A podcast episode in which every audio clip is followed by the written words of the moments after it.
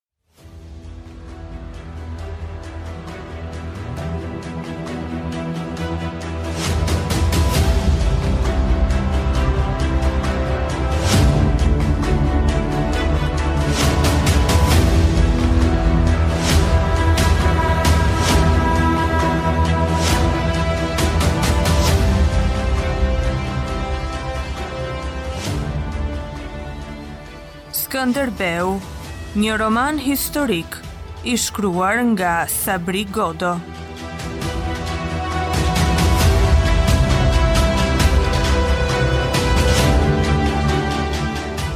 Kapitulli 21 Në fillim të korrikut dielli përvëlonte tokën. Në luginën e Drinit korrej gruri në të dyja anët e luftës, fshatarët për pjesën e tyre dhe armiku në tokën e pushtuar. Lugina mbeti e zhveshur. Fshatarët digjnin kashtë në ara dhe tymrat u shtuan rreth Sfetigradit. Secila nga palët e vinte me kënaqësi në tortura ndonjë rob të rastit të palës tjetër. Lufta e ndrydhur prej tre muajsh në një territor të ngushtë. Skënderbeu donte të dinte gjendjen e saktë të kështjellës pas prerjes së ujit. Pjetër Pelati me një të tretën e garnizonit të shfarosur dhe me gjysmën tjetër jashtë luftimit, për shkak të plagëve i çoi përgjigjen e përbashkët të dibranëve dhe të sfetigradasve. Atyre u mjaftonte uji i pusit për të lagur buzët, po ndreqnin muret dhe kështjellën do ta mbronin deri në frymën e fundit. Kjo ishte një përgjigje e paqartë e ish-priftit. Pjetri mbulonte gjendjen e tij me fjalët e përgjithshme. Diçka nuk shkonte mirë në kështjellë, muret e së cilës i nxehte dielli nga mëngjesi në mbrëmje.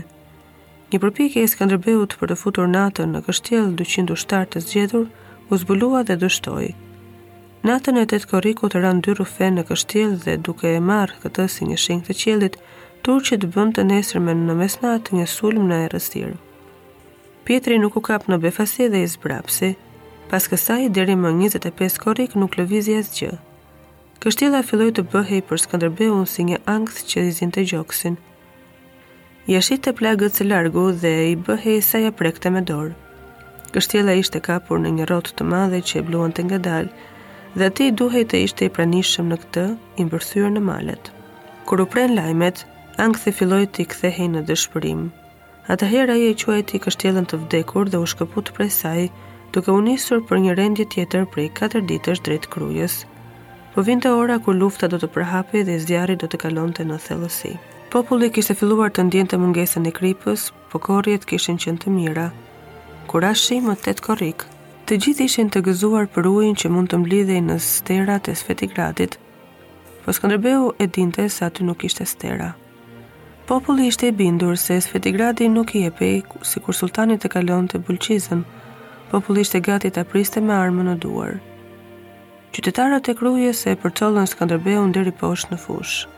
Gjatë tre muajve në shpirtin e popullit kishte kaluar tronditja dhe habia dhe vendin e tyre tani e kishte zënë krenaria.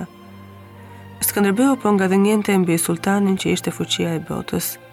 Instinkti i thoshte Skënderbeut se kriza po afrohej, ndaj ditën e katërt, pa ndalur gjëkundi bashkë me Mojsiun, u kthye për në Svetigrad. Prej dhjetë ditësh s'kishte lajme nga Pjetër Perlati. Ata dolën në lindje të kështjellës dhe Skënderbeu nuhaste në tokë e në ajër rrezikun.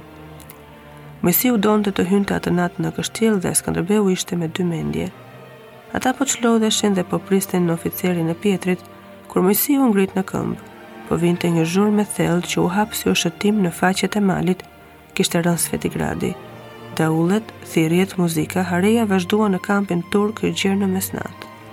Çdo gjë e gjallë ka dalë nga uji, mërmëriti sultani. Kjo ishte një frazë e Kuranit. Ai përdorte me ëndje frazat e Kuranit kur ato ujdisnin me punët e tij. Ky mendim mbi jetën që ka dalë nga uji, i kishte rrënjët në shtektimet e Muhamedit në Arabi, por vlente njëlloj edhe për malet e Ballkanit. Në fillim sultani i preu ujin kështjellës, pastaj u gjend një njeri që hodhi qenin e ngordhur në pusin e saj dhe kjo kishte bërë të njëjtën punë si të ndyje një oaz në shkretëtirë. Sultani rrinte para çadrës, Skllevërit kishin lagur tokën rreth e qark. Mëngjesi ishte i freskët, por në luginë filloi të ngjitej afshi. Sipër, në krye të kampit, u duk një lum i zi që po rrëshqiste i heshtur teposhtë. Ishin mbrojtësit e Svetigradit. Ushtarët u derdhen nga të gjitha anët dhe e vunë lumin e zi në mes. Nuk u dëgjua asnjë thirrje. Ishte si të kalonte një karvan që vinte nga vdekja. Ky lum i zi me njerëz dinte diçka mbi vdekjen, mbi vuajtjet në paradhomën e saj. Ata kishin hyrë në mesin e mizerisë si njerëz që nuk i gjejnë dot këmbët në dritën e diellit, pastaj ecën të ngjeshur e të plotë duke parë përpara në hapësirë. Sulltani priti të afroheshin, duke e përmbajtur kureshtjen. Këta ishin heronjtë budallenj, që nuk u zbrapsën para gjyles së topit dhe presës së jataganit, por që ranë në gjunjë para një qeni të ngordhur. Sulltani donte t'u shihte fytyrat, ata ishin më pak se një mijë, por dukeshin pesë mijë. Gjysma e tyre kishin vdekur. Ku të jenë varret? pyeti veten Sulltani. Ata po vinin, u printe një plak trupmadh, kokëjashtë me flokë të kuqërremë përpjet e me mjekrën po aq të egër. Plaku mbante edhe armët e një kapiteni të plagosur dhe ishte si një lis në vjeshtë. Sultani pyeti për të. Ishte komandanti i Sfetigradit, ish protosingjel, Sulltani qeshi që kishte luftuar me një prift dhe ia tregoi të birit. Mehmeti 17-vjeçar rrinte më këmbë me duart prapa. Për të dytën herë ai i tha të atit se ishte turp i padëgjuar të kalonin të pabesët përmes ushtrisë dhe para tendës perandorake me armët në krah si fitimtarë. Ata u dorëzuan në besën tonë more bir, u përgjigj sulltani. Ai dukej i gëzuar dhe donte që atë ditë të gëzoheshin të gjithë. Mbajtja e besës është një kotësi, tha nëpër dhëmbë i biri. Mos qoftë e thënë të shkelë fjalën sultani, tha Murati. Shumëkush besonte se ai ishte një kalorës muhamedan që respektonte traktatet, ai e ushqente këtë mendim. Njerëzimin e mban më këmbë besa, po të zhduket ajo nuk do të qëndrojë më as shtet as fron. Mos e harro këtë të vërtetë, tha prapë sultani. Porosia më e vjetër është shfarosja e të pabesëve, ata nuk përfshihen në lidhjet e besës, tha Mehmeti. Sultani u kthye ngadalë dhe i buzëqeshi gjithë nerva. Sot dorëzohet në besë kjo kështjellë, nesër mund të bëjë të njëjtën gjë populli i tërë. Pse të mos ndjekim këtë rrugë? Duke therur këta njerëz, të tjerët nuk do të na besojnë më dhe do të luftojnë për jetën e tyre si të egër. Është e mundur të mos kuptosh një gjë kaq të thjeshtë, tha ai. Bota është ndarë prej kohësh në dy pjesë. Vetëm në gjysmë sundon besa, u përgjigj shurdhër Mehmeti. Mjerë bota, tha me vete sultani. I biri dinte nja tre gjuhë, por në asnjërën nuk do të merreshe vesh me të. Ai studionte historinë dhe gjeografinë e shteteve, shkencën e yjeve, por ishte vrasës i paepur ndaj qëllimeve. Është koha e lutjes së dytë, tha sultani, donte të dërgonte djalin të lutej. Mbrojtësit e dorëzuar kalonin përpara, sikur po çonin diku shpirtin e tyre të përcjellë nga një heshtje që i ftohi duart e sulltanit. Ai ndjeu boshllëkun. Para syve i rrinte një qen i ngordhur i stërmadh që lëvizte gjymtyrët ndërsa shuhej zhurma e butë e lumit të zi. Ah, po vjen, tha me vete sulltani. Buza i shkoi shtrembur, po vinte oshëtima në vesh, errësira e dritës, pesha e rëndë në kokë, në krahë dhe në këmbë, që mjekët nuk ia gjenin ilaçin. Skënderbeu e zbriti ushtrinë në fushë buzë Drinit. Pjetër Pelati e arriti po atë ditë, dy orë përpara perëndimit. Në një fshat ishin lënë të plagosurit rëndë dhe ata që ndiqnin Pjetrin, ishin 800 burra me fytyra të verdha e të nxira, armët i mbanin si pjesë të trupit, ndërsa në qafë kishin hedhur brezat e bardhë që të tregonin se e kishin haklitarin. Pjetër Pelati doli përpara dhe ndaloi në mesin e fushës përballë Skënderbeut. Ai hodhi për tokë shpatën që i kishte dhuruar, zbërtheu ngadalë jelekun prej rrjetë teli dhe e hodhi për tokë edhe atë. Përkrenarja ishte dërmuar në përpjekjen e fundit dhe ishte kokëjashtë. Ai dukej krejt lakuriq, pa andej këndej dhe ra në gjunjë. Ushtria e tij e dorëzuar, që i rrinte prapa, u godit nga një valë e nxehtë dhe nuk lëvizi. Komandanti i tyre kishte hedhur armët, por kanuni thotë, burri nuk i jep armët pa dhënë kokën dhe nuk e jep kokën duke pasur armët. Komandanti dhe prifti i tyre u bëri shenjë të hidhnin armët dhe vetë në gjunjë siç ishte, përuli kokën gjer në tokë. Ai dukej si një ka i madh që i ngecnin brirët. Në lëvizjet e tij s'kishte bindje. Ai donte të mbaronte punë, t'i shpëtonte deri në fund njerëzit që solli aty.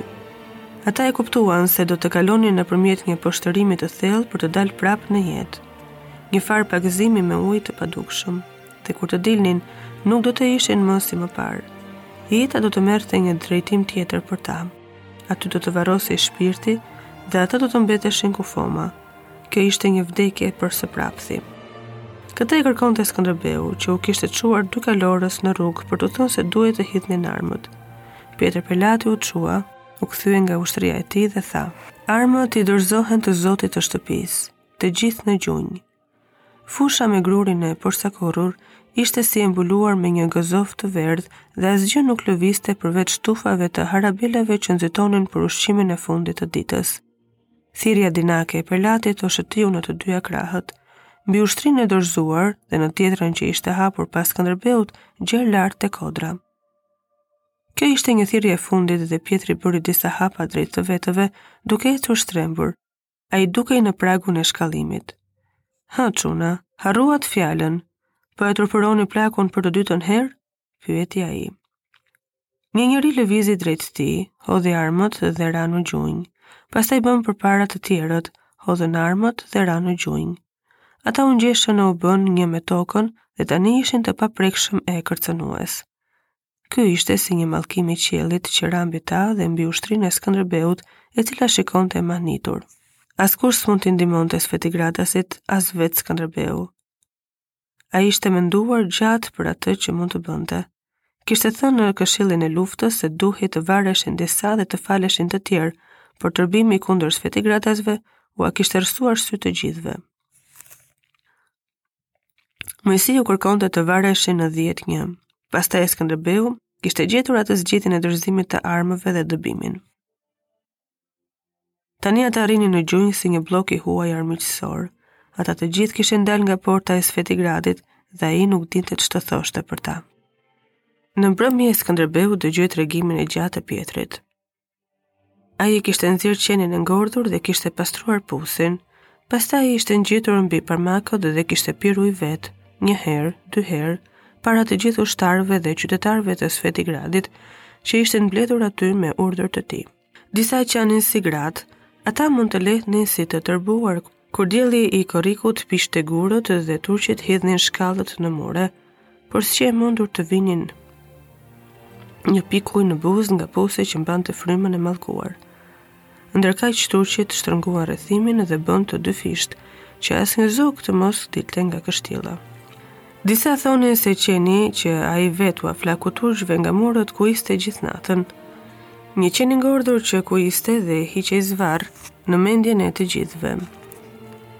Ata më fanatikët rrinin në kohën e pushimit pranë të plagosurve dhe i mbanin në krah në agoninë e vdekjes, që të mos ua lagte njeri buzët me ujin e pusit, se u vinte shpirti i humbur. Në mesin e ditës edhe Pjetrit të vetë iu duk sikur ajri i kështjellës ishte helmuar. Në mbledhjen tjetër, ai u tha ushtarëve dhe qytetarëve se do të jepte të pinin gjakun e tij, përpara se të dorëzonte çelësat. Ishte veshur prift atë ditë. Mbante kryqin në njërën dorë dhe u rrëfeu damarët në krahun tjetër. Ata e kërcënuan se do ta lidhnin. Kush e tha i pari këtë? pyeti Skënderbeu. E thanë shumë, as unë nuk e di, u përgjigj Pjetri. Ai gënjente për të mbrojtur kryengritësit. Mjekra dhe mustaqet e kuqe ia fshihnin fytyrën dinake. Duke lënë në shesh vetëm hundën dhe sytë e zvëgëluar nga pagjumësia. Koka po i binte. Skënderbeu i vuri dorë në sup. Përmendu, i tha Skënderbeu. Pjetri u zgjua i tëri dhe filloi të qante. Jetova gjatë si prift dhe nuk kuptova asgjë, tha ai. Në të ritë tim më dukej se bëhesha i mirë, se i afrohesha Zotit. Kur mbushja kokat e fshatarëve me mësimet e frymës së mallkuar dhe gëzohesha. Ëndërroja të bëhesha dhespot. Të gjitha i pagova në 10 ditë e 10 net. Jetova si ushtar dhe humba nderin. Këtë orë të zezë nuk duhej të arrija. S'mund t'ju mbaj në shërbim. Ushtria duhet të mësojë se dorëzimi e tradhtia paguhen me kokë, tha Skënderbeu. Nëse në mendjen e njerëzve rrënjosej një ligj i tillë, ushtria e tij do të ishte e paligjshme dhe e pashembullt në botë. E di Gjergj, e di o bir, tha Pjetri. Ata ishin kushërinj dhe Pjetri ia qante hallin Skënderbeut që vuante në atë çast aq sa ai, ata do të ndaheshin për së gjalli. Skënderbeu pa sytë e Pjetrit që digjeshin si prush i ndritur, ai ishte një fatkeq. Një hap i vetëm i kishte ndarë turpin e tij nga pavdekësia. Merrni armët dhe shkoni, po mos dilni nga shtëpitë tuaja, tha Skënderbeu. Po dëbonte nga ushtria njerëzit më trima që panë dhe prekën vdekjen. Zuri të mendonte se hidhërimi po e shtynte në marrëzi e në të njëjtën kohë, ushqente mendimin e fshehtë se shumë shpejt do t'i thërriste prapë. Sulltani ngriti dhe forcoi muret e Sfetigradit, ngjiti topat dhe mbylli aty 1400 jeniçerë të betuar dhe 600 topçinj e ushtarë të shërbimit. Më një gusht dogji kampin dhe mori rrugën e kthimit. Ai nuk do të rrezikonte veten dhe ushtrinë duke hyrë në buzë të vjeshtës në një vend të vështirë dhe me Skënderbeun në shpinë, ndërsa rritej rreziku hungarez, shtoheshin lëvizjet në Greqi dhe jeniçerët bënin trazdira në kryeqytet. Sulltani duhej të kthehej në qendër. Kishte njohur te Skënderbeu një armik të një lloji të ri. Kishte njohur vendin. Do të kthehej në Arbëri vitin tjetër me përgatitjen e duhur. Skënderbeu e ndoqi për 3 ditë sulltanin, por një praparojë prej 20.000 vetash i kthente heshtat dhe mburojat ngado që vërtitej ai. Herë i veshur si bari dhe herë drejt në kalë, gjithnjë me Moisiun në krah, Skënderbeu iu soll kështjellës që të gjente një shteg. Moisiu njihte çdo gur nga brenda mureve dhe e kishte njohur kështjellën edhe nga jashtë, duke parë me syrin e armikut. Moisiu provoi të ngjitej natën në mure si në vitin 1444. Pastaj ndenji 7 ditë nën strehim para portës dhe s'la dredhi pa bërë për të ndjellë armikun. Në shtator dhe në tetor, Skënderbeu bëri dy sulme dhe humbi 500 njerëz. Humbjet e përgjithshme të Skënderbeut në Svetigrad arritën në 1800 veta dhe ai u tërhoq me zemër të ngrirë kur filluan thellimet dhe dëbora e nëntorit. Skënderbeu donte të fitonte beteja të tjera të shumta e të mëdha, por nuk do të merrte më asnjë kështjellë. Bedenat e kështjellave kërkojnë kufoma. Ai shikonte përpara, Sultani kishte humbur në Svetigrad katër herë më shumë, por kjo nuk e ngushëllonte. Fuqia e armikut do të rritej me kohën, ndërsa burimet e tij do të thaheshin e do të shteronin.